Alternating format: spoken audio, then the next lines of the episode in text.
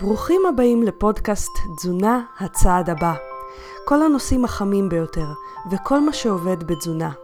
וזה כדי שתדעו מה הצעד הבא במסע שלכם להשגת שלום עם האוכל, הגוף והלב. מוגש לכם על ידי רותי פינק, דיאטנית קלינית והוליסטית שמחפשת תמיד מה עוד אפשרי בתזונה, בבריאות ובחיים.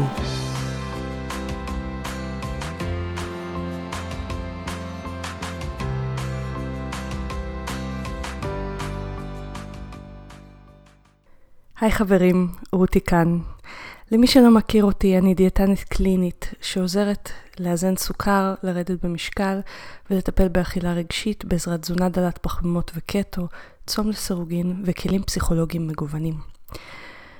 אז, ימים לא פשוטים עוברים על כוחותינו, כרגע לפחות עם מגפת הקורונה.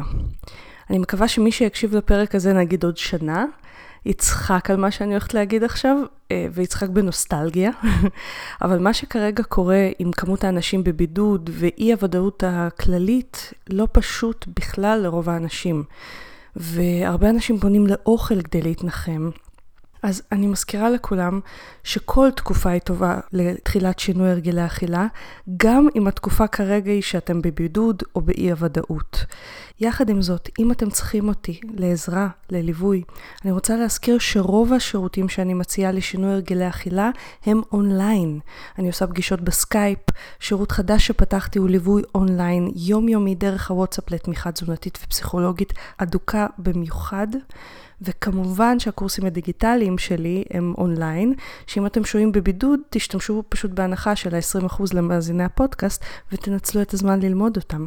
הלינקים לכל מה שאמרתי נמצאים בהערות לפודקאסט. עוד משהו חשוב, הפודקאסט חוזר מהפסקה של חודש, שלקחתי בעצם באופן די מפתיע למאזינים, אחרי כמעט שנה ללא הפסקות, וזה ממש לא היה קשור לקורונה.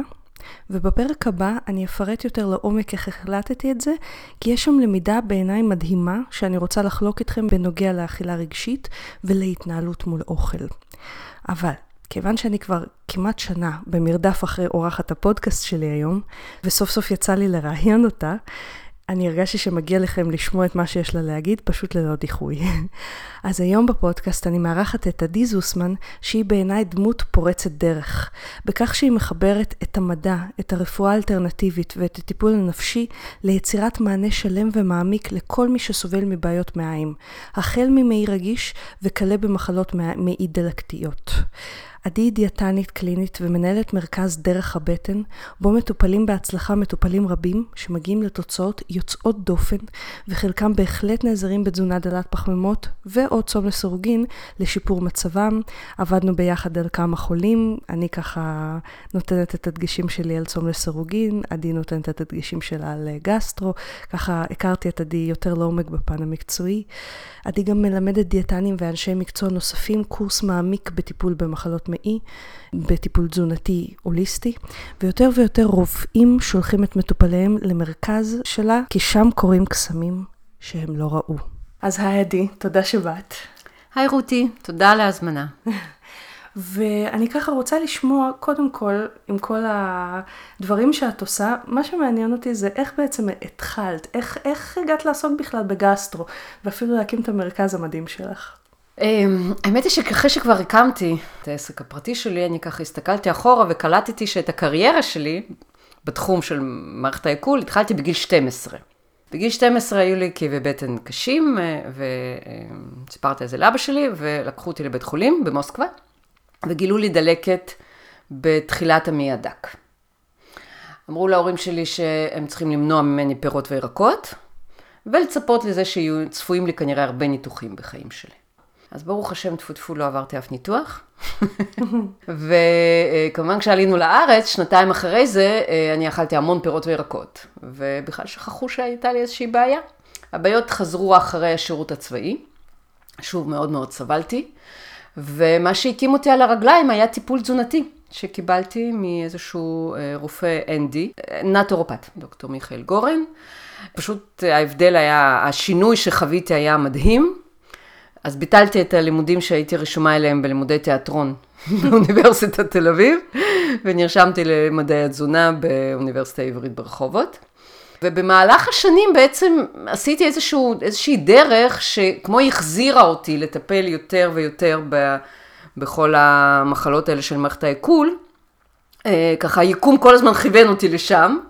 אז גם כשעבדתי בקופות חולים וגם כשעבדתי בתחום של הזנה תוך ורידית, ניהלתי תחום של הזנה תוך ורידית בחברה ישראלית גדולה. טיפלנו בחולי מעיים קשים, גם חולים אונקולוגיים, אנשים שהיו מאושפזים בטיפולים נמרצים. שלא יכולים פשוט לקבל. שלא יכולים לאכול, שמערכת העיכול שלהם פשוט לא מתפקדת לחלוטין, או שבעקבות טראומה, או בעקבות אה, מחלה קשה, ובמקרה הזה הם קיבלו באמת הזנה דרך הווריד. כשלפני עשר שנים בערך החלטתי שאני מה שנקרא, המקצוע הטיפולי קרא לי חזרה ופתחתי את העסק הפרטי שלי, אה, החלטתי שאני הולכת אה, להתמקד במחלות מעיים. הכרתי אז אה, בחור שאמר לי, היה לי קרון, מושג שברפואה התרופתית לא מוכר. אני חושבת שבעקבות פועלך דווקא יותר מוכר. היום אני חושבת שזה כבר הרבה יותר מוכר, כן, אם כי אני לא מבטיחה דברים כאלה, אוקיי? אבל בהחלט אני חושבת שזה ממש הפך לשליחות, שליחות של החיים שלי, לעזור לאנשים עם מחלות, מעיים והפרעות במערכת העיכול, לא רק להיות בצורה הכי בריאה, לחיות בצורה בריאה, לאכול בצורה כיפית ומגוונת ובריאה, אלא בכלל להחזיר לעצמם את השליטה על החיים שלהם, על הגוף שלהם, עצמאות, מקום שהוא בכלל לא מובן מאליו בעולם הזה של המחלות הכרוניות. ובאמת, הניסים, אם אני ככה ארשה לעצמי להגיד את זה, שאנחנו רואים בקליניקה, הם מעוררי השראה. איזה כיף. בואי ככה באמת נתחיל מההתחלה בשביל הקהל שלנו. נדבר קצת מה זה בכלל, מה זה בכלל מחלות מעיים, מה זה מעי רגיש, מה זה מעי דלקתי. מי שירצה אחר כך לראות את זה, שזה גם, אה, אני התראיינתי על זה אצל פרופסור קרסו. שאנחנו אז, נשים לינק בהערות כן, אז אפשר יהיה לראות את זה אחר כך ב- ביוטיוב שלנו. אז מחלות מעיים בעצם, אה, יש שורה של כל מיני מחלות והפרעות, חלקן מאובחנות יותר, חלקן מאובחנות על דרך השלילה. אם לא מוצאים שום דבר אחר, אז יש לך מעי רגיש. אז זה בעצם שורה של מחלות והפרעות, שאנשים בדרך כלל סובלים מאי נוחות, כאבים, הפרעה קשה ביציאות, בין אם זה עצירויות קשות או בין אם זה שלשולים קשים, ומדובר באנשים שממש לא יכולים להתנת... לצאת מהבית, לא יכולים אה, להתרחק מהשירותים, במצבים קשים, במיוחד במחלות דלקתיות, כמו קרונוקוליטיס, אה, בזמן ההתלקחות, אה, גם בלילה קמים לשירותים הרבה. במחלות האלה יש גם הרבה תופעות שהן מחוץ למעי. אמ, כל מיני תופעות אוריות, פריחה או מה שנקרא erythema nodosum, אה, יש שם גם מחלות בעיניים, אה, מה שנקרא uveitis, דלקות פרקים, פיברומיאלגיה הרבה פעמים מתלווה לזה. בעולם של המעי הרגיש אנחנו רואים הרבה פעמים שזה הולך עם אנדומטריוזיס. שמין אה, ככה כמו מחלות אחיות כאלה. קיצור, מדובר באמת בסבל מאוד מאוד גדול, וגם בעולמות היותר קלים כביכול של אה, אנשים שסובלים מצרבות או מריפלוקס, גם שם אה, יש לזה השלכה, ואם לא מטפלים, אז המחלות האלה בהחלט יכולות להתפתח למקומות קשים וממש לסכן את הבריאות, שלא לדבר על איכות החיים וגם ממש את החיים. אחת הסיבות בעצם שהזמנתי אותך אה, בתור כן מומחית לתזונת אה, גסטרו, זה שאני שומעת כל הזמן שאנשים בתזונה דלת פחמימות, בצום לסירוגין, בקטו, בקרניבורי, הם מדווחים על שיפור מאוד מאוד משמעותי, אה, בדרך כלל בתסמייני מעי רגיש, בנפיחויות. ויש גם מקרים של אה, שיפור בקרון וקוליטיס, אני גם צפיתי במו עיניי, נגיד בקטו, אה, צום לסירוגין, גם שיפור בכל התסמינים מחוץ למערכת העיכול שתיארת ובמערכת העיכול. אני ככה רוצה, אם תוכלי לפרט על זה יותר, מה לדעתך, איך זה קשור, איך זה עובד, האם יש עוד דרכים, האם זו הדרך הטובה ביותר? כן, טוב, אם שומעים אותנו אנשים שהחליטו ללכת על תזונה דלת פחמימות, אז אה, מן הסתם הם יחפשו שם את ה... מזור, אנחנו יודעים היום שיש כמה שיטות תזונה, אכילה, אה, שבעיניי הם צריכים להיות חלק מאורח חיים. זה לא רק מה אתה אוכל, זה כמובן דברים שהם גם מעבר, כמו ספורט, מצב רגשי, נפשי וכדומה, אבל היום אנחנו נתמקד באמת בפן התזונתי. אז יש כמה וכמה שיטות שחלקן יותר הוכחו, חלקן פחות מחקרית הוכחו, אבל אה, הן עדיין מוכיחות את עצמם בעולם. שעוזרות לאנשים להגיע למה שמכונה רימיסיה. רימיסיה זו הפוגה של המחלות האלה, שיכולה להימשך שנים ארוכות, כן?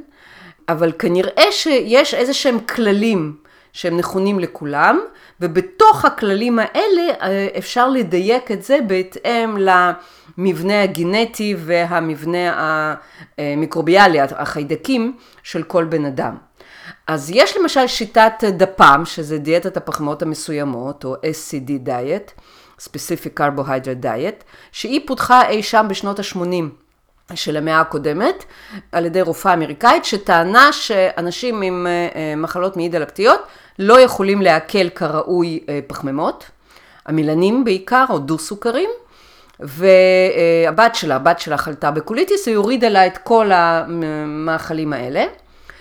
והתזונה הזאת בנויה באמת אה, על חלבונים, אגוזים, שקדים, אה, ירקות ופירות וקצת אה, סוכרים פשוטים כמו דבש סילן. כי זה כאילו לכאורה, לא לכאורה, זה מתקל יותר קל בעצם. לכאורה.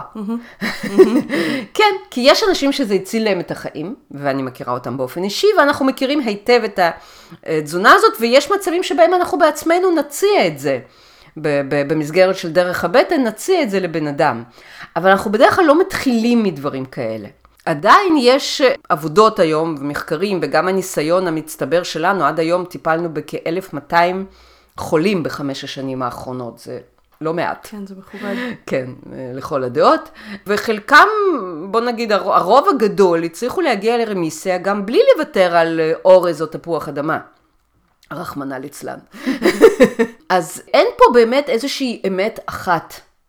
ויחד עם זה אני מכירה אנשים שבאמת פלאו-אוטואימוני הציל להם את החיים, או הדפ"ם שהזכרתי קודם, תזונה דלת פחמימות היא זאת ששינתה להם לגמרי את התמונה.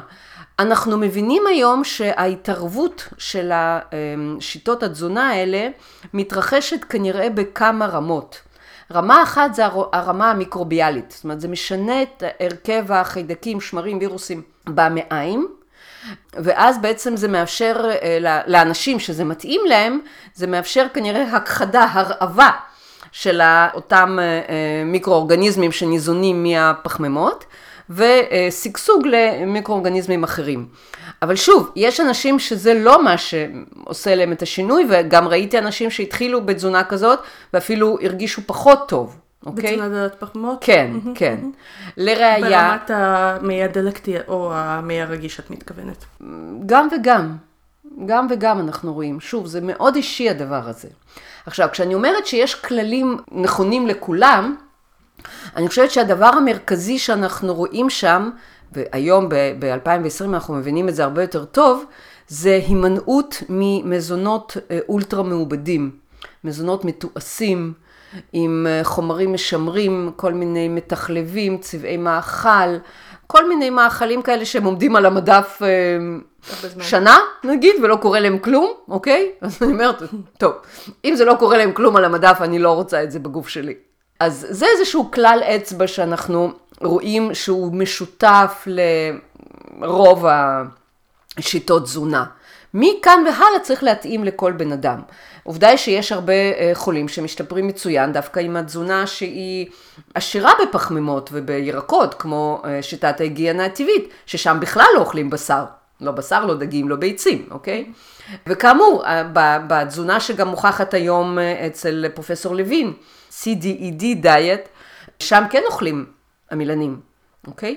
וגם בתזונה שלנו, בשיטת הרמזור של דרך הבטן, אוכלים עמילנים, והרוב המכריע של האנשים כן מסתדר עם זה. במדע ואנחנו רואים שזה לא עובד, זה לא מספיק, הבן אדם לא משתפר, אנחנו נשקול להציע לו באמת תזונה, כמו למשל תזונה דלת אה, פחמימות, או פלאוטואימוני, או דברים כאלה, בהחלט כן. בהחלט כן, אבל שוב, זה יהיה אישי לאותו בן אדם. היי חברים, אם אתם עושים הכל ולא מצליחים לרדת במשקל, או שמצליחים לרדת במשקל, אבל זה מלווה בתחושת מלחמה ותסכול, יש סיכוי טוב שאתם מתעלמים מהסימנים שהגוף שלכם שולח. הגוף שלכם מאותת לכם כל הזמן האם חסרה לו אנרגיה או שיש לו מספיק. ואם אנחנו מתעלמים ממנו, אנחנו בעצם פוגעים בסנכרון העדין של ההורמונים השונים שמווסתים את המשקל שלנו. אז אם אתם יודעים לזהות את הסימנים שהגוף שלכם שולח בנוגע לאכילה, למשל, איפה בגוף אתם חשים את הרעב? באיזה מקום? האם אתם בכלל יודעים לזהות אותו? כי יש שני סימנים מדויקים שהגוף שולח שהם רעב. כל השאר אינו רעב, ואנחנו נוטים לאכול מתוך סימנים שהם לא רעב. ואיך אתם למשל יודעים מתי לעצור לאכול? האם זה לפי הכמות שמונחת בצלחת, או שאתם מכירים את הסימנים המדויקים שהגוף שולח בזמן האכילה ולא 20 דקות אחרי? כשאנחנו מתעלמים מהרעב והשובע, או לא יודעים לזהות אותם, אנחנו אוכלים בעודף גם אם אנחנו אוכלים כולה חסה. כי באותו רגע לא חסר לגוף כלום, וזה קצת דומה ללדחוף יותר מדי בגדים למכונת כביסה מלאה. אה, הכביסה לא יוצאת משהו במצב כזה. באותו רגע הגוף לא זקוק לשום דבר. הוא אומר לנו, אני בסדר, תתעסקו עם החיים שלכם. אבל אנחנו דוחפים לו את הקלוריות האלה בניגוד לרצונו. ואז אנחנו אכן אוכלים בעודף. וצוברים משקל. אז איך מקשיבים לגוף? ואיך מצליחים לאכול לפי הסימנים שלו בכלל? לשם כך בניתי את הקורס הדיגיטלי לרזות בשפת הגוף. הקורס הזה מאגד את כל הבסיס והידע לתחילת הקשבה לגוף. הוא מכיל סרטונים קצרים וברורים בשפה מובנת ופשוטה, ותרגילים פרקטיים שיעזרו לכם לעשות את הסוויץ' במוח בשביל להתחיל להבין מה הגוף שלכם בכלל מאותת לכם ואיך לאכול לפי השפה שלו. וככה תתחילו, אולי לראשונה בחייכם, לעבוד עם הגוף לירידה במשקל, ולא להילחם נגדו. בקורס תלמדו את הסימנים המדויקים של רע ושובע, ואת התרגילים המנטליים הפשוטים שניתן לעשות על מנת לעזור לעצמנו להקשיב לגוף ולשבור את האוטומטים שאנחנו פועלים לפיהם, שגורמים לנו להתעלם מהבקשות של הגוף שלנו. את כל התכנים של הקורס בדקתי כבר על מאות מטופלים בקליניקה, שלא לומר אלפים, ואין טיפול שבו אני לא מכניסה את התכנים האלה, כי זה פשוט הבסיס להכל. לא משנה מה אתם אוכלים ובאיזה תזונה אתם דוגלים, אם אתם מתעלמים משפת הגוף, אתם תהיו במלחמה עם המשקל. התגובות על הקורס הזה הן למשל, אלוהים, אף פעם לא שמתי לב שהגוף מדבר אליי, וגם איך אף אחד לא סיפר לי את זה. אז אם אתם רוצים להפוך את הגוף לחבר שעוזר לכם לרדת במשקל במקום לאויב שמנסה לחבל לכם בתהליך, היכנסו לאתר שלי, רותי פינק, F כמו פנטזיה, rutifink.com, ובלשונית קורסים דיגיטליים, בתפריט, אתם תמצאו את הקורס לרזות בשפת הגוף. ולמאזיני הפודקאסט יש הנחה על הקורס. אם תקלידו במעמד התשלום את האותיות פודקאסט באותיות אנגלית ראשיות, תקבלו הנחה של 70 שקלים שהם 20% ממחיר הקורס. הגוף הוא המשרת הטוב ביותר שלכם, הוא לא נגדכם, ואתם הולכים לגלות איך לעבוד ביחד איתו כדי להגיע למשקל האופטימלי ביותר עבור שניכם. לרזות בשפת הגוף, עכשיו באתר שלי, רותי פינק, F כמו פנטזיה, rutifink.com בלשונית קורסים דיגיטליים. כי הגיע הזמן להפסיק להילחם באוכל, ולהפוך אותו להיות פשוט אוכל.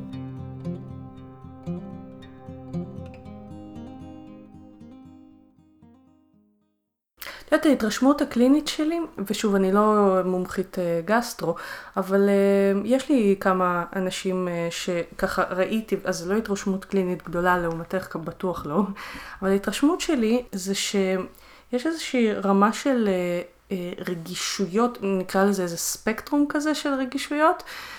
של האנשים נגיד שמשתפרים בדל פחמות, בקטו, בקרניבורי, רגישים למשהו שכשמורידים את זה, זה טוב, אלה בהיגיינה טבעית, או אפילו ברואו פוד, או דברים כאלה, ב-80-10-10 שמשתפרים, הם משתפרים כי הורדנו להם דברים אחרים, שהם היו רגישים אליהם, שאולי דווקא דל פחמות לא נתנה לזה מענה. והשאלה שתמיד מסתובבת לי בראש זה מאיפה אפשר לדעת מאיפה להתחיל. כי מה שקורה הרבה פעמים אנשים מנסים משהו, אומרים זה לא עבד. מנסים משהו, אומרים זה לא עבד, ואז הם מתייאשים. ויכול להיות שהם מתייאשים לפני שהם עלו, למשל, על תזונה שכן נותנת מענה לדבר הזה בספקטרום ש, של איפה שהם נמצאים. כן, שאלה מצוינת. קודם כל, בוודאות, אה, אה, אין, אני לפעמים רואה בפורומים שלנו, את יודעת, אנחנו מנהלים אה, פורומים גדולים, יש לנו קרוב ל-6,000 אנשים בקבוצת לחיות בשלום, קרון וקוליטיס, קרוב לאלפיים בקבוצת מי רגיש. שכמובן נשים לינק אליהם. בהחלט, בפייסבוק, כן. אז אני רואה שם לפעמים בן אדם כותב, לי התזונה לא עזרה. אז זה נורא מצחיק אותי, כי קודם כל הרי זה הבסיס, אוקיי? הדבר הראשון שהגוף שלך זקוק לו זה מזון מזין לעומת מזיק. יכול להיות שבאמת אותו בן אדם לא אה, הגיע, לא התנסה במספיק שיטות תזונתיות, ואז הוא מרים ידיים בשלב מוקדם יותר. עכשיו, את צודקת לגמרי לגבי הנושא של רגישויות, ואנחנו רואים את זה הרבה.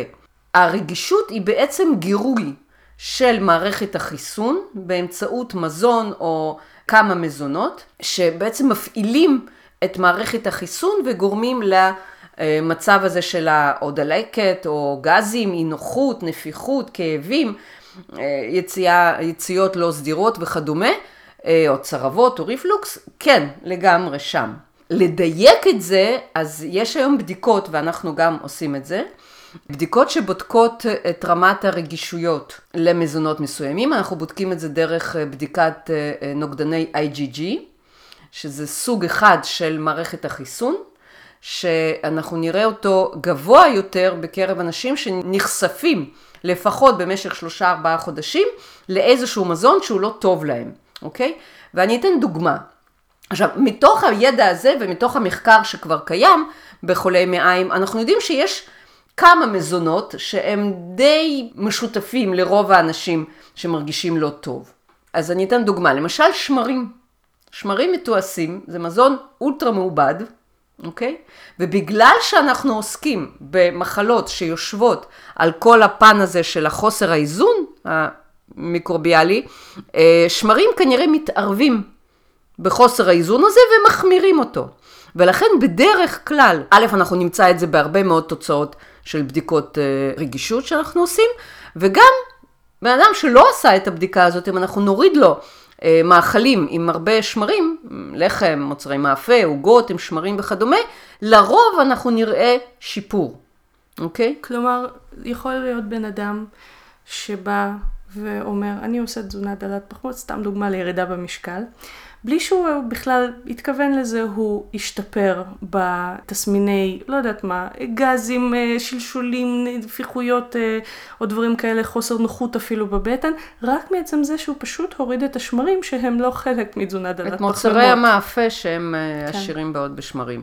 כן, זה יכול להיות, ואגב, אם את כבר מזכירה את הנושא של הירידה במשקל, אז המחקרים החדשים מדברים על זה שגם הירידה במשקל קשורה לשינוי המייקרוביום. החידקי מעיים. אז הכל מתחיל ונגמר כנראה שם. אני תוהה, אני תוהה אם זה באמת מתחיל ונגמר שם. בכנות אני אומרת לך, אני חושבת שהמקרוביום אה, הוא, הוא חלק ממערכת. אבל uh, uh, אני לא בטוחה שזה רק המקרוביום.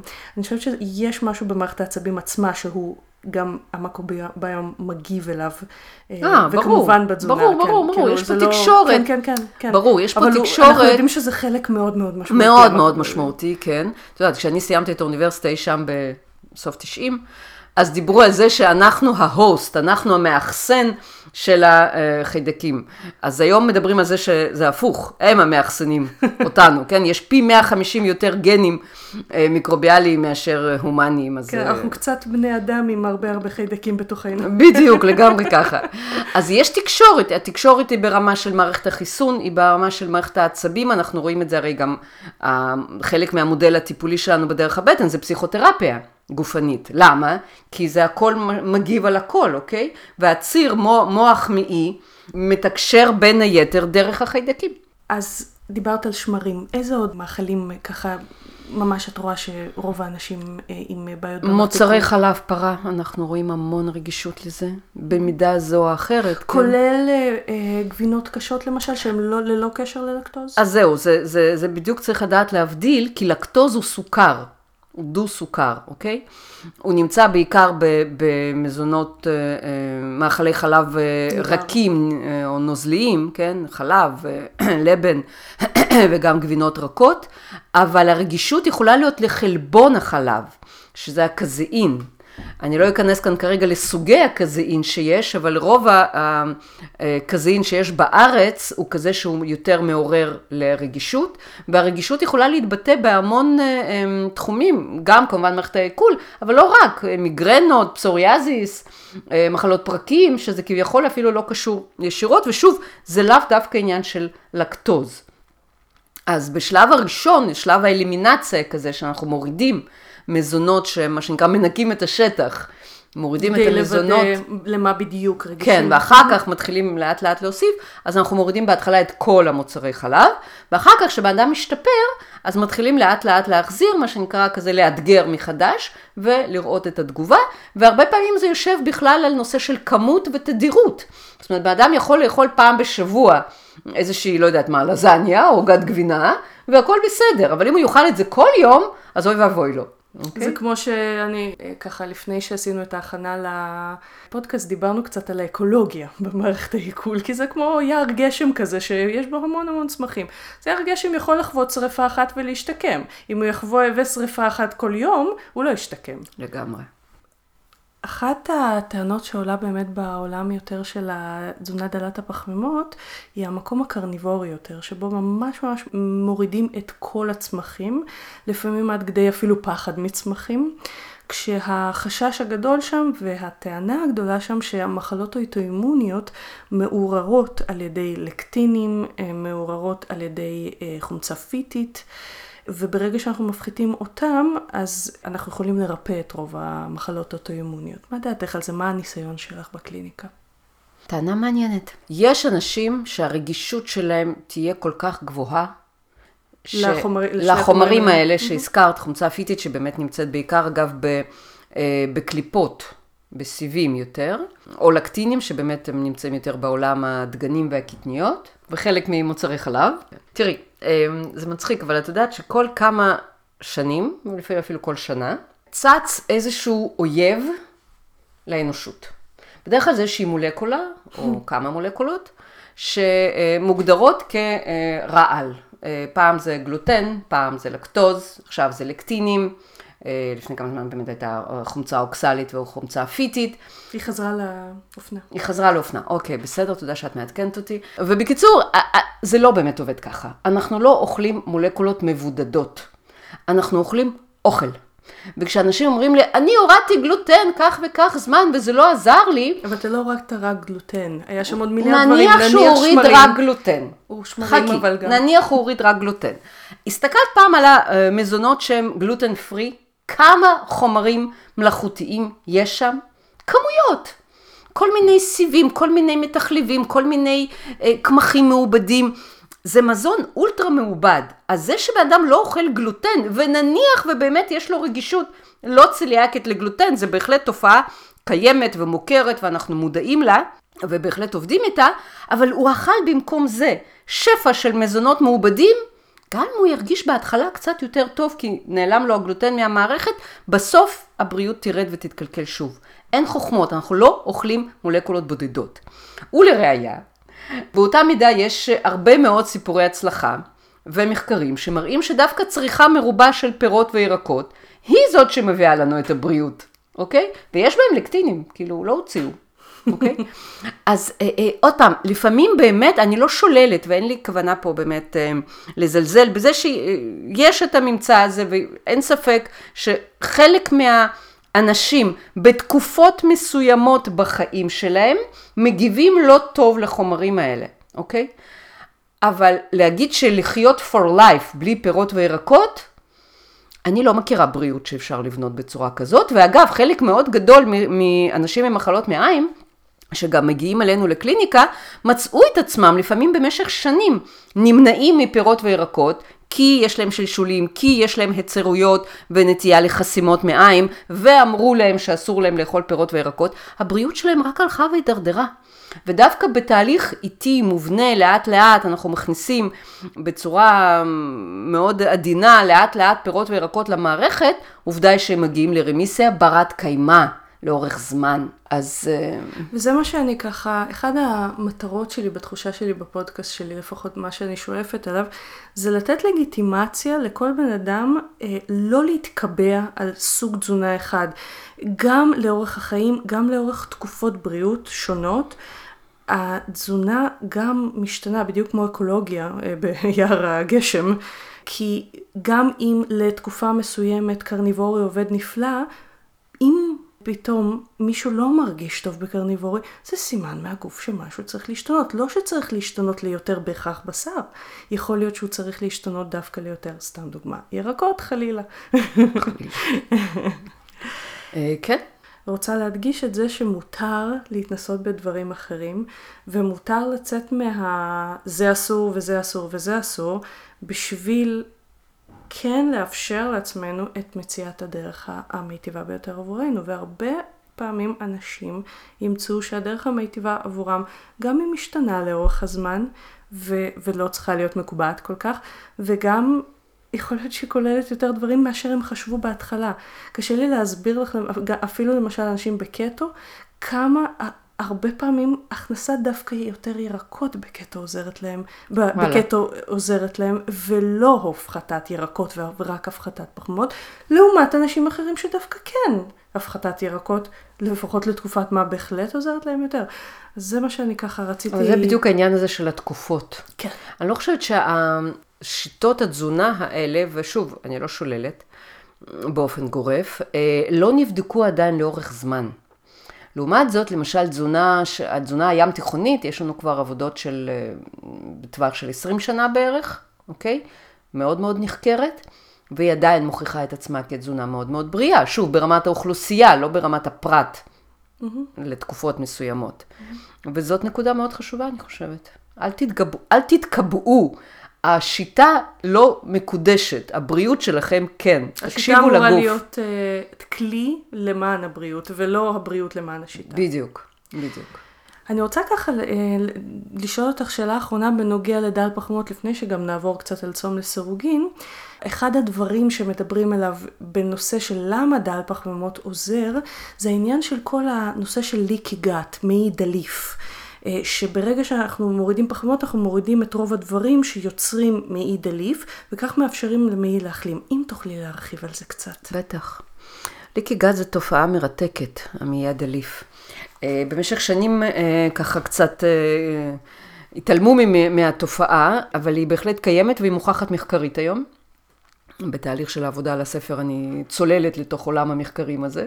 בעצם המעי הדק שלנו, התקין, עובד כסוג של מסננת, אוקיי? מסננת אה, דקה, צפופה, שאמורה לסנן את הדברים שאנחנו כן, הגוף מכניס פנימה לתוך מערכת הדם, או משליך החוצה ובעצם הפסולת הזאת נעה לאורך המעי, המעי והופכת לצואה ומופרשת החוצה. אם המסננת הזאת נפגעת והופכת להיות עם חורים גדולים מדי, ייכנסו פנימה לתוך מערכת הלימפה, לתוך מערכת הדם, חומרים שלא אמורים להיכנס לשם, מולקולות גדולות, שיגרו את מערכת החיסון שלנו ויפעילו את, ה, את המנגנון העתיק והבדוק ביותר, וייצרו כל מיני אה, הפרעות בריאותיות עד כדי קשות. אחד, הזכרת קודם שאי אפשר אה, להיתפס לאיזושהי מולקולה, אבל עדיין המחקר למשל מצא שגלוטן מפעיל אמ, חלבון שנקרא זונולין, שאחד התפקידים שלו זה אה, לרווח או לצופף את המסננת של המעי הדק, מה שמכונה tight junction. היום אנחנו יודעים שזה מעבר לגלוטן per se, זה יותר, א' זה יותר גלוטן של חיטה, וכנראה החיטה עצמה יש בה עוד כל מיני חומרים שמפעילים או, או מרווחים עוד יותר את המסננת ומחמירים את תופעת ה leaky gut.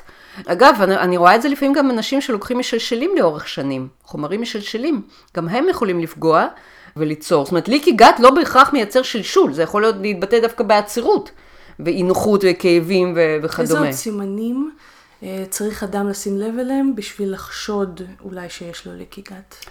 זה שורה ארוכה, זה יכול להיות גם תופעות אוריות, כמו שהזכרתי קודם. אני לא אשכח, היה לנו מקרה, הגיעה אלינו מטופלת עם אה, דווקא קרון, היא פגשה אותנו אחרי, אותי, אני זוכרת שהיא הגיעה לפגישה אחרי פסח. ואמרה לי, את יודעת, בפסח לא אכלתי מצות כי זה עושה לי לא טוב, וגם הפסוריאזיס שלי נרגעה. מה הפלא, אוקיי? שתי המחלות המוגדרות אוטואימוניות, שעל זה אני, יש לי הרבה מה להגיד על ההגדרה הזאת, אוטואימוני, הגיבו לזה שבעצם היא במשך שבוע שלם לא אכלה חיטה ומוצריה, והשתפרה, גם מבחינת הקרון וגם מבחינת הפסוריאזיס. גם uh, מניסיוני האישי, כשאני מורידה uh, חיטה, קוסמים ודברים כאלה, uh, מצב הרוח שלי הרבה, בצורה כל כך משמעותית הרבה יותר טוב, שהילדים שלי יודעים לזהות מתי אכלתי את זה. וואו. עד כדי כך. אמא אכל גלוטן. וואו, לא יאומן. כן. כן, אבל אנחנו יודעים היום שהמצב הנפשי שלנו גם הוא מאוד מאוד מושפע מאותו מייקרוביום, ומה שאנחנו אוכלים. אמ, ודווקא שם יש עבודות מאוד יפות על תזונה שהיא אה, plant-based diet. כולה על צמחים ופירות. כמו כן. שאנחנו רואים, אין אמת אחת לכל אחד. לגמרי, לגמרי. האוטואימוני רצית שאני אתייחס, כן, טוב, אה, אני התחלתי ל- ל- לכפור בהגדרת האוטואימוני כבר לפני כמה שנים. הגדרת המחלה האוטואימונית, יזרקו אותי מהקהילה של הדיאטניות, רותי. אנחנו חתרנים פה. כן, זה ממש, אה, אנחנו מפילים פה פרדיגמות. הגדרת האוטואימוני אומרת שהגוף תוקף את עצמו. ואני לפני כמה שנים טובות אמרתי לעצמי, רגע, איך זה יכול להיות ש-human being, אוקיי, הומו ספיאנס, המין האנושי, הפך לשליט על כדור הארץ, הגענו לירח, השתלטנו על כל אה, מין וזן אחר, ופתאום הגוף החכם הזה שלנו משתגע ומתחיל לתקוף את עצמו. משהו פה לא הגיוני. יכול להיות, שאלתי את עצמי, ועצמי ענה לי, ש, אה, שאולי אנחנו עושים משהו שגורם לשפעול יתר של מערכת החיסון, אבל בגלל שהמכשור המודרני עוד לא יודע לזהות את המשהו הזה, אנחנו מפתחים מחלות שקראנו להן אוטואימוני. מסתבר שהמדע היום יותר ויותר מסכים איתי. אני רואה יותר ויותר עבודות שבאמת מדברות על כך שלמשל אותן מחלות אוטואימוניות כמו קרון, קוליטיס, אה, פרקינסון, אה, אלצהיימר וכדומה, כולם כך או אחרת קשורים לשיבוש של המייקרוביום. זאת אומרת שאנחנו בעצם עוסקים במחלות מיקרוביאליות אימונולוגיות, אני מקווה שאני לא מפציצה פה במושגים מקצועיים, שהן אבל... מחלות שקשורות לחיידקי מעיים פלוס מערכת חיסון והתגובה בדיוק, ביניהם. בדיוק, בדיוק. ויש יותר ויותר רופאים שהיום כבר מסכימים עם זה, ובהחלט העבודות האחרונות שמראות שתזונה יכולה להביא לרמיסיה עמוקה וטובה של אה, קרון או קוליטיס, בעצם מחזקות את הדעה שזאת לא מחלה אוטואימונית, זאת מחלה שהיא נגרמת בגלל שיבוש חיידקי המעיים, ואם אנחנו יודעים להוציא את הגורם שיצר את השיבוש הזה, אז גם מערכת החיסון שלנו נרגעת, היא לא צריכה יותר להילחם בשום דבר. זה מרתק. זה מדהים. זה מרתק, וזה גם נותן המון תקווה, אני חושבת, לכל חולי המחלות האוטואימוניות. סו קולד. כן, כי, כי זה מוציא את זה. ואיך בעצם אה, מתקשר בתוך כל הדבר הזה, דרך המקרוביום, שזה מ- מ- משבש את המקרוביום? כן, כן, ברגע ש... אה, הרי בדיוק מה שאמרנו קודם, ברגע שנכנסים פנימה מולקולות גדולות שלא אמורות להגיע למערכת הלימפה אה, שלנו, אז מערכת החיסון מגורה. והיא מזהה אה, חומרים כאויב, כמו שהיא מזהה וירוסים וחיידקים, שזה מה שהיא אומנה לעשות במשך מיליוני שנים. היא לא טועה, היא עושה את העבודה שלה נכון. אנחנו שיבשנו שם משהו, אנחנו הכנסנו למערכת, לגוף שלנו, חומרים שלא אמורים להיות שם. בעיקר המתועשים, את אומרת. בעיקר המתועשים. וביחס לכל אחד והרגישות הספציפית שלו. נכון, אבל הרגישות גם מתחילה מזה, לא סתם מתפתחת היום כזאת אה, רגישות. כמובן, גם הסטרס מאוד מאוד אה, מפעיל את מערכת החיסון שלנו, אה, ועובדה היא שאנשים במצב שהם בחופשה, יכולים לאכול מאכלים שהם לא יכולים לאכול בחיי היום-יום שלהם. וזה אפילו כל כך מעניין שמצאו הרכב שונה של צואה. אצל אותם אנשים שהם היו בסטרס, או שהם היו בחופשה ובמצב רגוע. אבל החופשה היא מבחו"ל, אז יכול להיות שחידקי המים משתנים... אה, לאו בגלל... דווקא בחו"ל, mm-hmm. לאו דווקא, mm-hmm. כן. מרתק. נעבור רגע על המקום של הצום לסירוגין. ואני רוצה ככה, דווקא מהניסיון שלך ומהידע שלך גסטרו, יש כל מיני תופעות שמאוד מאוד אופייניות בצום לסירוגין ודל פחמות, שאני רוצה ככה לדבר עליהן. בעיקר בתחילת התזונה, ואני מניחה שזה גם התרגלות של המקרוביום, בתחילת תזונה דלת פחמות, לפעמים גם בצום לסירוגין, אנשים חווים הרבה פעמים עצירויות. עכשיו, חלק מהמצבים עוברים לבד בלי, בלי שום התערבות, כי פשוט מערכת העיכול צריכה להתרגל לזה. אני מעריכה שהמקרוביום. במידה ולא, ושאר הדברים, כמו למשל, אנשים כן משיגים את התוצאות שהם רוצים בצום לסירוגין, אנשים כן משיגים את התוצאות שלהם בדל פחמימות, והם לא רוצים לרדת מזה, במידה וזה המצב, והם עדיין חווים עצירויות. מה היית מציעה להם? אז, אז באמת השאלה הראשונה זה הנושא של בכלל צום לסירוגין במחלות מעיים. ובכן, אמ, אני באה מהעולם של צום לסירוגין, זה מה שבזמנו לי מאוד מאוד עזר. ואחר כך שככה קראתי על זה ולמדתי עוד לפני שהתחילו לצאת המחקרים, בעצם יש שיטות שלמות, אה, שיטות ריפוי שלמות שמתבססות על אה, אה, צום או דמוי צום. צום מיצים, צום מים. פסטינג ממקין דיאט. כן, לא כן, לעשות באמת תזונה מאוד מאוד מאוד מוגבלת, כמו, כמו שאמרנו, במיצי ירקות כזה נניח, ורק אז uh, לחזור לאכילה. והיום מדברים על זה שבאמת יש משמעות ל... 16 שעות בלי אכילה, נכון? ומעלה. ומעלה. אז... האמת היא שיצא מחקר גם של 14... סליחה, 14 שעות צום ומעלה. 14, 15, 16 שעות צום ומעלה. צום לסירוגין הוא מסוג הדברים שבהתחלה נשמעים קיצוניים וממש בלתי ניתנים לביצוע. אבל כשאנשים שומעים את היתרונות של הצום לסירוגין, הם מתחילים לשקול, hmm, אולי זה לא כזה קיצוני אחרי הכל. אז אני כאן כדי לספר לכם שבמחקרים רבים צום לסירוגין הוכח כעוזר להפחתת אינסולין, הפחתת סוכר, ירידה במשקל, הפחתת מינון תרופות שונות, פחות התעסקות עם האוכל, שיפור קוגניטיבי, הפחתת סיכון לסרטן, שיפור בנפיחות במערכת העיכול, עלייה באנרגיה ועוד ועוד. ואני יודעת שזה נשמע לא יאומן, או כמו הפרסומות הזולות האלה לאיזה גלולת קסם שתפתור לכם כל צרה. אבל האמת היא שכל מה שאמרתי עכשיו מופיע בספרות המדעית. הבעיה היא שרוב האנשים שמתחילים עם צום לסירוגין עושים את זה בצורה שמפריעה להם להצליח, מקשה על הדרך ובלי הידע הדרוש, ואז אומרים שזה קשה מדי וזה לא עובד.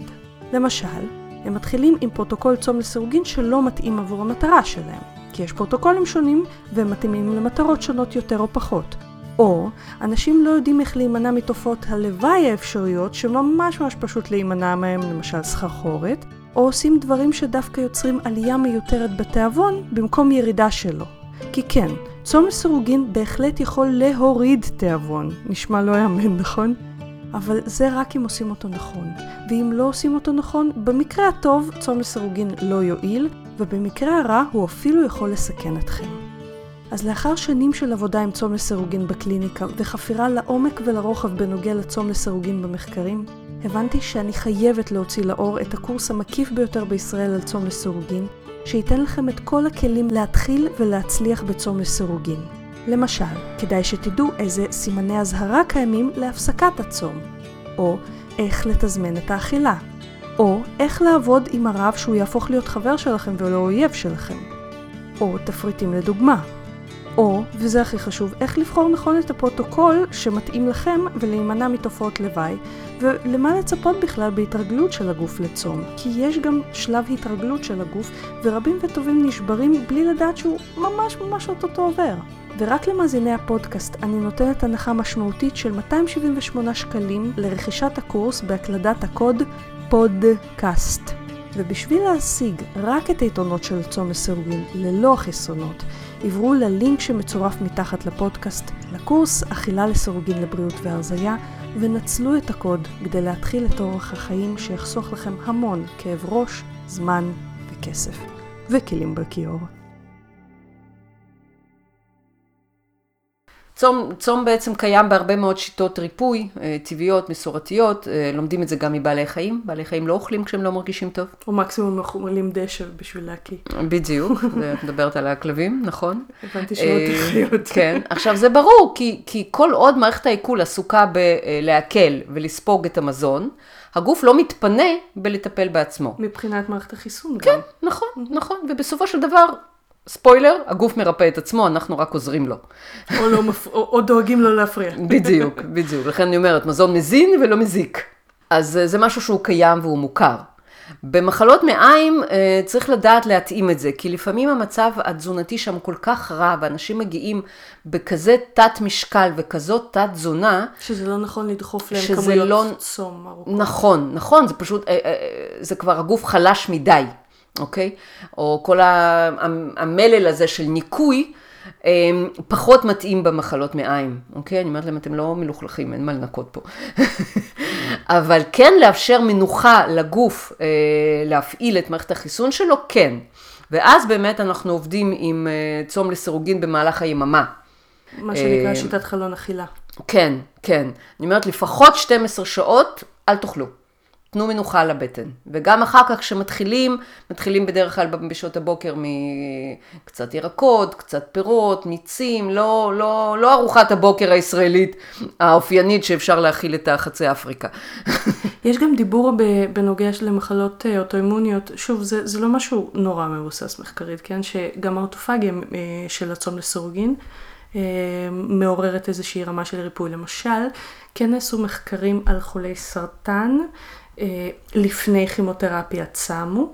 היה איזה אה, שיפור, כלומר, מערכת החיסון פחות נפגעה, ומדברים על זה ששלושה ימי צום למשל, עושים איזושהי רגנרציה למערכת החיסון. אני תוהה, יכול להיות שידוע לך, אם אה, כל הרגנרציה הזאת שיכולה לקרות, שוב, זה מחקרים מאוד קטנים, כן? אם היא מעוררת איזושהי רגנרציה גם ברמת הנוגדנים של מחלות אוטואימוניות במערכת חיסון. תראי, המחקרים הראשונים שיש בתחום הזה של מחלות מעיים וצום לסירוגין הם בעיקר בבעלי חיים, והם מראים שינוי במייקרוביום בעקבות הצום לסירוגין. אז שוב, אנחנו חוזרים לשם, אני מצטערת שאנחנו כל הזמן חוזרים לענייני לא, זה ה- נפלא.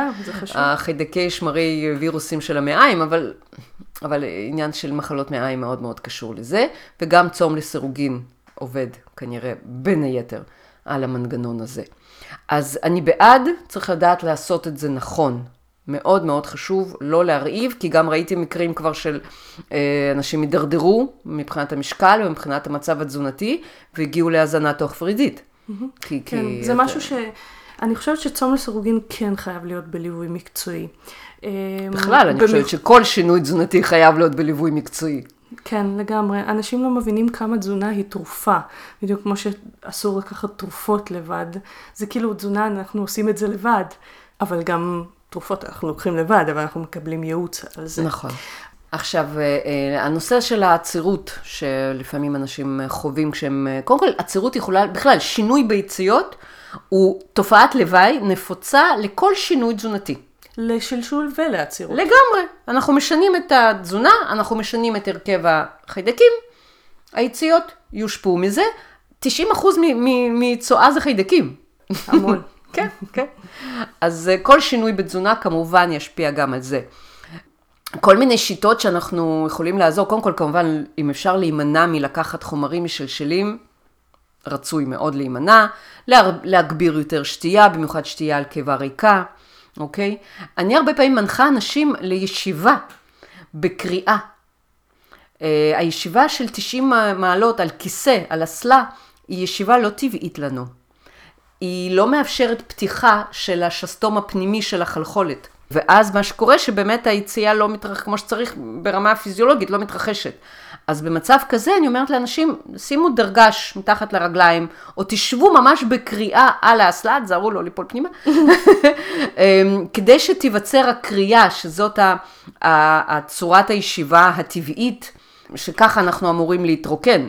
ממש ברמה. שעצירות יכולה להיפטר מעצם התנוחה של הישיבה. ואני ממליצה בצורה, עם עוד דברים, כאמור, הזכרתי קודם שתייה וכדומה, ואני ממליצה אפילו לשבת לא רק כשהם עולים על האסלה, אלא סתם לשבת, להישען על הקיר, לא לשבת על כיסא, לשבת כמה דקות בקריאה, מה שנקרא ישיבת הכובסת או ישיבה הבדואית. למה? כי זה הרבה יותר טבעי לנו, זה מפעיל, אה, עושה עם אה, מסאז' לשרירים של רצפת האגן, אה, וזאת ישיבה שאנחנו לא יושבים בה מספיק. אז היה ונכנסתם לתזונה דלת פחמימות, ובגדול אתם מרגישים טוב יותר, ואתם מרגישים שזה נכון לכם וזה נוח לכם בגוף, אבל מתחילה להיווצר עצירות. אגב, עצירות יש לה הגדרות מאוד מאוד ברורות, כן? זה יציאה קשה, זה תדירות נמוכה אה, במספר ההתרוקנויות, זה תחושת חוסר התרוקנות. אה, אז הטיפים הפשוטים, להרבות בשתייה. אה, אם אפשר לקחת כף שמן זית על קיבה ריקה. אגב, זה לא עושה סיכה, זה מפעיל, אה, מעצבב, מפעיל את קצות העצבים של מערכת העיכול. של המי הגס, ואז יותר קל להתרוקן. הישיבה בקריאה שהזכרתי קודם. אם אפשר להוסיף יותר ירקות אה, לת, לתפריט, אה, מומלץ. הרבה פעמים מהניסיון שלי זה, זה עושה את ההבדל, ממש ברמה של ירקות ירוקים פשוט. כן, שהם כן. מאוד מאוד דלי פחמימות, חלק מהשיטות של הדל פחמימות הם בכלל לא נספרים בפחמימות. בקשר לצום לסירוגין כמעודד או מרפא גסטריטיס. תוכלי להתייחס לזה קצת? כן, כשאני נכנסתי לזה בגיל 20, הייתה לי, אה, הייתה לי החרפה של גסטריטיס. כמו שאמרתי, אני לא סתם בתחום הזה. העדויות הן שצום לסירוגין שעשוי, שעוש, שעושים אותו נכון, סליחה, הוא בהחלט יכול לרפא. אה, זה מאוד שונה מלהיות רעב, כי אה, אנשים עם גסטריטיס, כשהם רעבים, יש להם כאב מאוד מאוד מסוים, ספציפי, ספציפי בדיוק. אה, ואז אומרים כל הזמן, אתה צריך כל הזמן לאכול, כל הזמן להאכיל את הקיבה שלא תהיה ריקה, אז ביום יום זה אולי נכון. גם כן, אתה לא צריך כל הזמן לאכול, כן? אבל כל שלוש-ארבע שעות בהחלט לאכול ארוחה. בגסטריטיס, כן. צום לסירוגין עובד... ששוב, גסטריטיס זה דלקת, דלקת בקיבה. ברירית של הקיבה. נכון, נכון. אה, צום לסירוגין עובד אחרת. אה, לא מרגישים רעב, בעצם. או מרגישים בצורה זניחה יחסית. נכון, נכון. וגם, את יודעת, הכוונון הרגשי, התודעתי, עובד שם אחרת. וזה אולי באמת מחבר אותנו לנושא הבא שנדבר עליו, כי אנחנו גוף נפש, נרצה או לא. ההתכווננות שלנו תשפיע. אם אני מפחדת, ואני שנים חייתי בתוך פחד מרעב, אוקיי? כמו הרבה מאוד אנשים. שזה אבולוציוני לגמרי. וג, ו, וזה מונע מהרבה אנשים לעשות צום לסורגין שדווקא יכול להועיל להם. הם חושבים, אוי ואבוי, אני כל כך אסבול, זה לא שווה את זה. כן, אז לא, לא סובלים, ומהר מאוד גם מפסיקים להרגיש רעב, אולי יממה לוקח. זה תלוי, מהניסיון שלי זה תלוי בשיטת צום, אה, בין יממה לשלוש שבועות, תלוי בשיטת צום. וואלה, אוקיי. כן. אז את המומחית לזה. אה, אז בכל מקרה, אה, אני חושבת שבאמת להתכווננות הפנימית, הרגשית שלנו, יש כאן השפעה עצומה. אם אני חיה בתוך פחד, יכאב לי. אם אני נושמת ולומדת לסמוך על הגוף שלי ועל כוחות הריפוי הטבעיים הטמונים בגוף שלי, תענוג. כן, כי זה, זה גם מוציא אותנו ממקום של אני קורבן של הרעב שלי, אני קורבן של התזונה שלי, אני קורבן של הגוף שלי, למקום של עוצמה וכוחות ומשאבים של כן. הגוף שלי הוא בעדי, הגוף שלי יודע להסתדר עם הרעב, נכון. הגוף שלי י, ירגיע את הרעב. אז בעצם אם בן אדם עם גסטריטיס כן רוצה לנסות צום לסירוגין. שלא יעשה את זה לבד, שיעשה את זה בליווי של מומחה לצום, לסירוגין. אמ, ויהיה קשוב לגוף שלו. בסוף, בסוף, אתה המטפל הכי טוב של עצמך. אני גם אוסיף ברמה הפרקטית של אה, אה, אנשים, אה, חלק מהאנשים שנכנסים לצום, הם, הם אוהבים להתאבד על זה. נגיד, לא 16 שעות, אם 16 שעות זה, זה, זה כאילו, אנשים מתחילים מ-16 שעות, מניסיוני 16 שעות לא לכולם עובד למטרות שלהם. אז הם מתאבדים על ארוחה אחת ביום, בבת אחת. וזה קצת כמו לרוץ מרתון בלי שצעדת חמש קילומטר. אני חושבת שזה נכון מה שאת אומרת, כי לאכול ארוחה אחת ביום עלול ליצור עומס. יש איזושהי רמה של אנזימי עיכול שצריך להפריש. עכשיו, יש אנשים שגם בניסיון שלי, שעל ארוחה אחת ביום פורחים, אבל יש אנשים שחווים קושי במערכת העיכול, אה, ואז במצב כזה, לדעתי, שוב, את המומחית פה בנושא הגסטרו, לדעתי זה כן אצל חלק שכבר סוחבים את הרב כל כך הרבה זמן, זה יכול לעורר איזשהו, לגמרי. אם יש להם נטייה. אני מסכימה. לא, בכלל, את יודעת, כבר הבנת, אני לא בעד להתאבד על שום דבר, מתים מזה. אבל, אה, וגם אני חושבת שאולי כל שיטה שאנשים בוחרים להיכנס לתוכה, א', להיות בליווי מקצועי, ב', לפעמים, במיוחד אם יש כבר איזושהי מחלה או הפרעה בריאותית, להיכנס לתוכה בהדרגה. זהו. לא לקפוץ בנג'י. אמ, בגלל שאתם במרכז מטפלים בגוף נפש, אם תוכלי לתת כמה טיפים על הקשר בין הגוף והנפש בנושא של גסטרו, בנושא של מחלות מעיים? וואי, זה עולם מרתק בעיניי. קודם כל, כמו שאמרת קודם, הגוף תמיד בעדינו. אוקיי? אנחנו באמת לא, לא קורבנות של שום מחלה. הגוף קורא לנו, זה סוג של wake-up call. ורגשות הם תמיד פסיכוסומטיים. תמיד הם יש להם... מתבטאים גם בגוף תמיד. הם נכון. לא... זה לא שאנשים נורא נעלבים כשאומרים להם, זה משהו פסיכוסומטי. אני צריכה להבהיר את, הש... את, ה- את המילה הזאת. המילה פסיכוסומטי בנויה משתי מילים בעצם, יו... יווניות לדעתי, כן, כן, כמדומני. אמ, פסיכו משמעו רגשי מילולי, אוקיי? אני יכולה להביע במילים, למשל שאני עצובה, אוקיי? סומטי זה פיזי. אני מרגישה את העצב הזה בגוף. איך אני מרגישה אותו בגוף? אצל כל אחד זה יהיה בדרך שלו. כל הרגשות הם פסיכוסומטיים, קרי הם מתבטאים גם ברמה הנפשית, רגשית, וגם ברמה הפיזי. ה-misunderstanding, יש שיבוש של הפירוש של המילה הזאת בעולם. הרבה פעמים אנשים אומרים, פסיכוסומטי, יאנו, אתה ממציא את זה.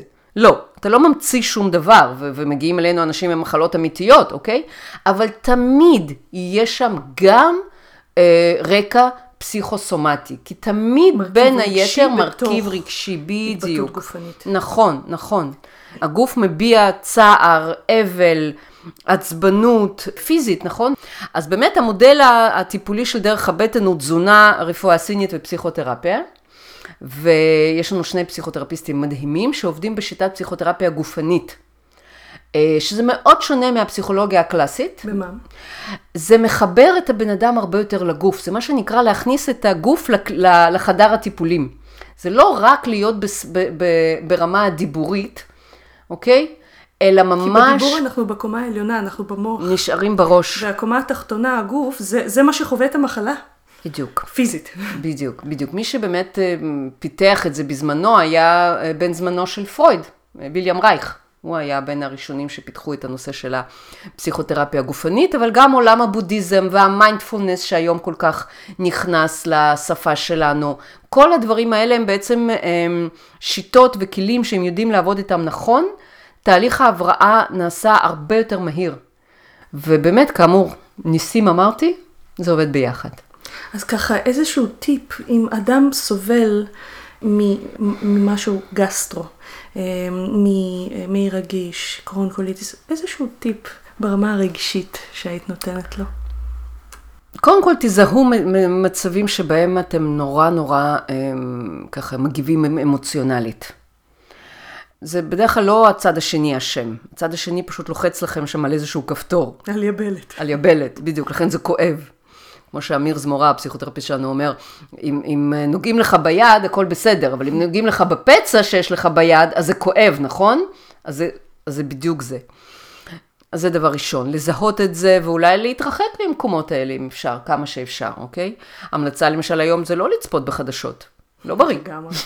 ממש לא בריא. במיוחד במוצ"ש, פותחים, זה כרוניקה של רצח, אונס ועוד כל מיני זוועות. וקורונה. וקורונה. אל תצפו, אל תקשיבו. להתחיל לתרגל נשימות, יש המון אה, אה, ביוטיוב סרטונים שעובדים על נשימות בטן, זה מאוד מאוד עוזר להתחבר לכאן ועכשיו ולגוף. אה, מדיטציות, ממש לא מילה גסה וכנ"ל, את יוטיוב מלא בסרטונים. כן, ממש אפילו באמצע היום במק- במקום העבודה אפשר לשים באוזניות, לשבת עשר דקות, להרפות את הגוף. זה ולמי עובד מדהים. שקשה לו עשר דקות, אפשר גם שתי דקות. אפשר גם שתי דקות, לגמרי. אמ, וחפשו, חפשו באמת טיפול שהוא משלב בין הדברים, שהוא... הוא... הרבה פעמים אנשים אומרים לי, אני נמצא בטיפול פסיכולוגי שנים. אוקיי, אבל אתה אצלי, נכון? סימן שאתה עדיין לא בריא. אז אה, אחלה, אבל אולי צריך לעשות פה דברים נוספים, או קצת שונים. כמו שאומר איינשטיין, אם אתם עושים כל הזמן את אותו הדבר, אל תתפלאו שאתם נמצאים באותו מקום. עדי, היה מרתק. אני רוצה ככה, בשביל המאזינים שלנו, שתספרי איפה אפשר למצוא אותך ועל מה את עובדת כרגע. כן, אז אנחנו נקראים דרך הבטן. הסניפים הפיזיים שם נמצאים ברמת גן ומודיעין, אבל חוץ מדיקור אפשר היום לעשות הכל באמצעות אינטרנט. יש לנו תוכניות טיפול וליווי שבנינו משלושה חודשים ועד שנה. אה, אנחנו מלווים אנשים מכל הארץ וגם מחו"ל. יש לי בית ספר היום שאני מלמדת דיאטניות אה, וגם טורפטיות שמגיעות ללמידה ובאמת אה, לראות אותן משנות את גישת העבודה וקוצרות הצלחות הרבה יותר גדולות ממה שהיה בעבר, מאוד מאוד מרגש. אני עובדת על הספר, מתי שהוא יצא. על מה? הספר? על הבראה עצמית ממחלות מעיים ומחלות של מערכת העיכול. יס. Yes. כן, כן, כן, הוא לגמרי יביא גם את הפן הפילוסופי, אה, פיזיולוגי, פסיכולוגי. אני מדברת על פסיכולוגיה של מערכת העיכול. ועד לתפריטים ומתכונים. ועוד כל מיני דברים שכרגע אני לא יכולה לספר. אבל כדאי לכם לעקוב אחרינו, גם בפייסבוק, גם באינסטוש, כמובן באתר שלנו. ואנחנו נשים את כל הלינקים. רותי, איזה כיף. היא לא, היא לא שילמה לי להגיד את זה, אבל אני חושבת שהפודקאסט שלך הוא דבר מופלא. הוא מאפשר לאנשים באמת לקבל מידע רב גוני ורב מקצועי. אמ, ומקצועי בכלל מאוד, אז יישר כוח. תודה, תודה רבה. תודה יקרה שהזמנת אותי. בשמחה, תודה שבאת. אז אני מקווה שנהניתם מהפודקאסט היום. אם אתם רוצים להיות בקשר או לשלוח שאלות לפודקאסט, אתם ממש מוזמנים לבקר באתר של הפודקאסט rutifink.com, פינק כמו F כמו פנטזיה, rutifink.com/פודקאסט. אתם גם מוזמנים לחפש אותי ביוטיוב, יש לי ערוץ מלא בסרטונים על תזונה דלת פחמימות וצום לסירוגין, פשוט חפשו רותי פינק ביוטיוב. יש לי גם ערוץ באינסטגרם, פשוט חפשו רותי פינק באנגלית, שוב F כמו פנטזיה. אתם ממש מוזמנים לעקוב אחריי גם בפייסבוק. אתם יכולים לחפש אותי פשוט בעברית, רותי פינק, או להיכנס לאחת משתי הקבוצות שאני מנהלת, דלי פחמימות ישראל, והקבוצה צום לסירוגין עם רותי פינק. ואנחנו נשתמע שבוע הבא. תודה שהקשבתם לפודקאסט תזונה הצעד הבא. אני מקווה שנהניתם. חשוב להדגיש שהמידע בפודקאסט מוענק לצורכי העשרה בלבד, והפודקאסט לא מהווה בשום צורה תחליף לייעוץ או טיפול אישי. בכל בעיה רפואית או נפשית יש לפנות למטפל מוסמך. ואנחנו ניפגש בעוד שבועיים.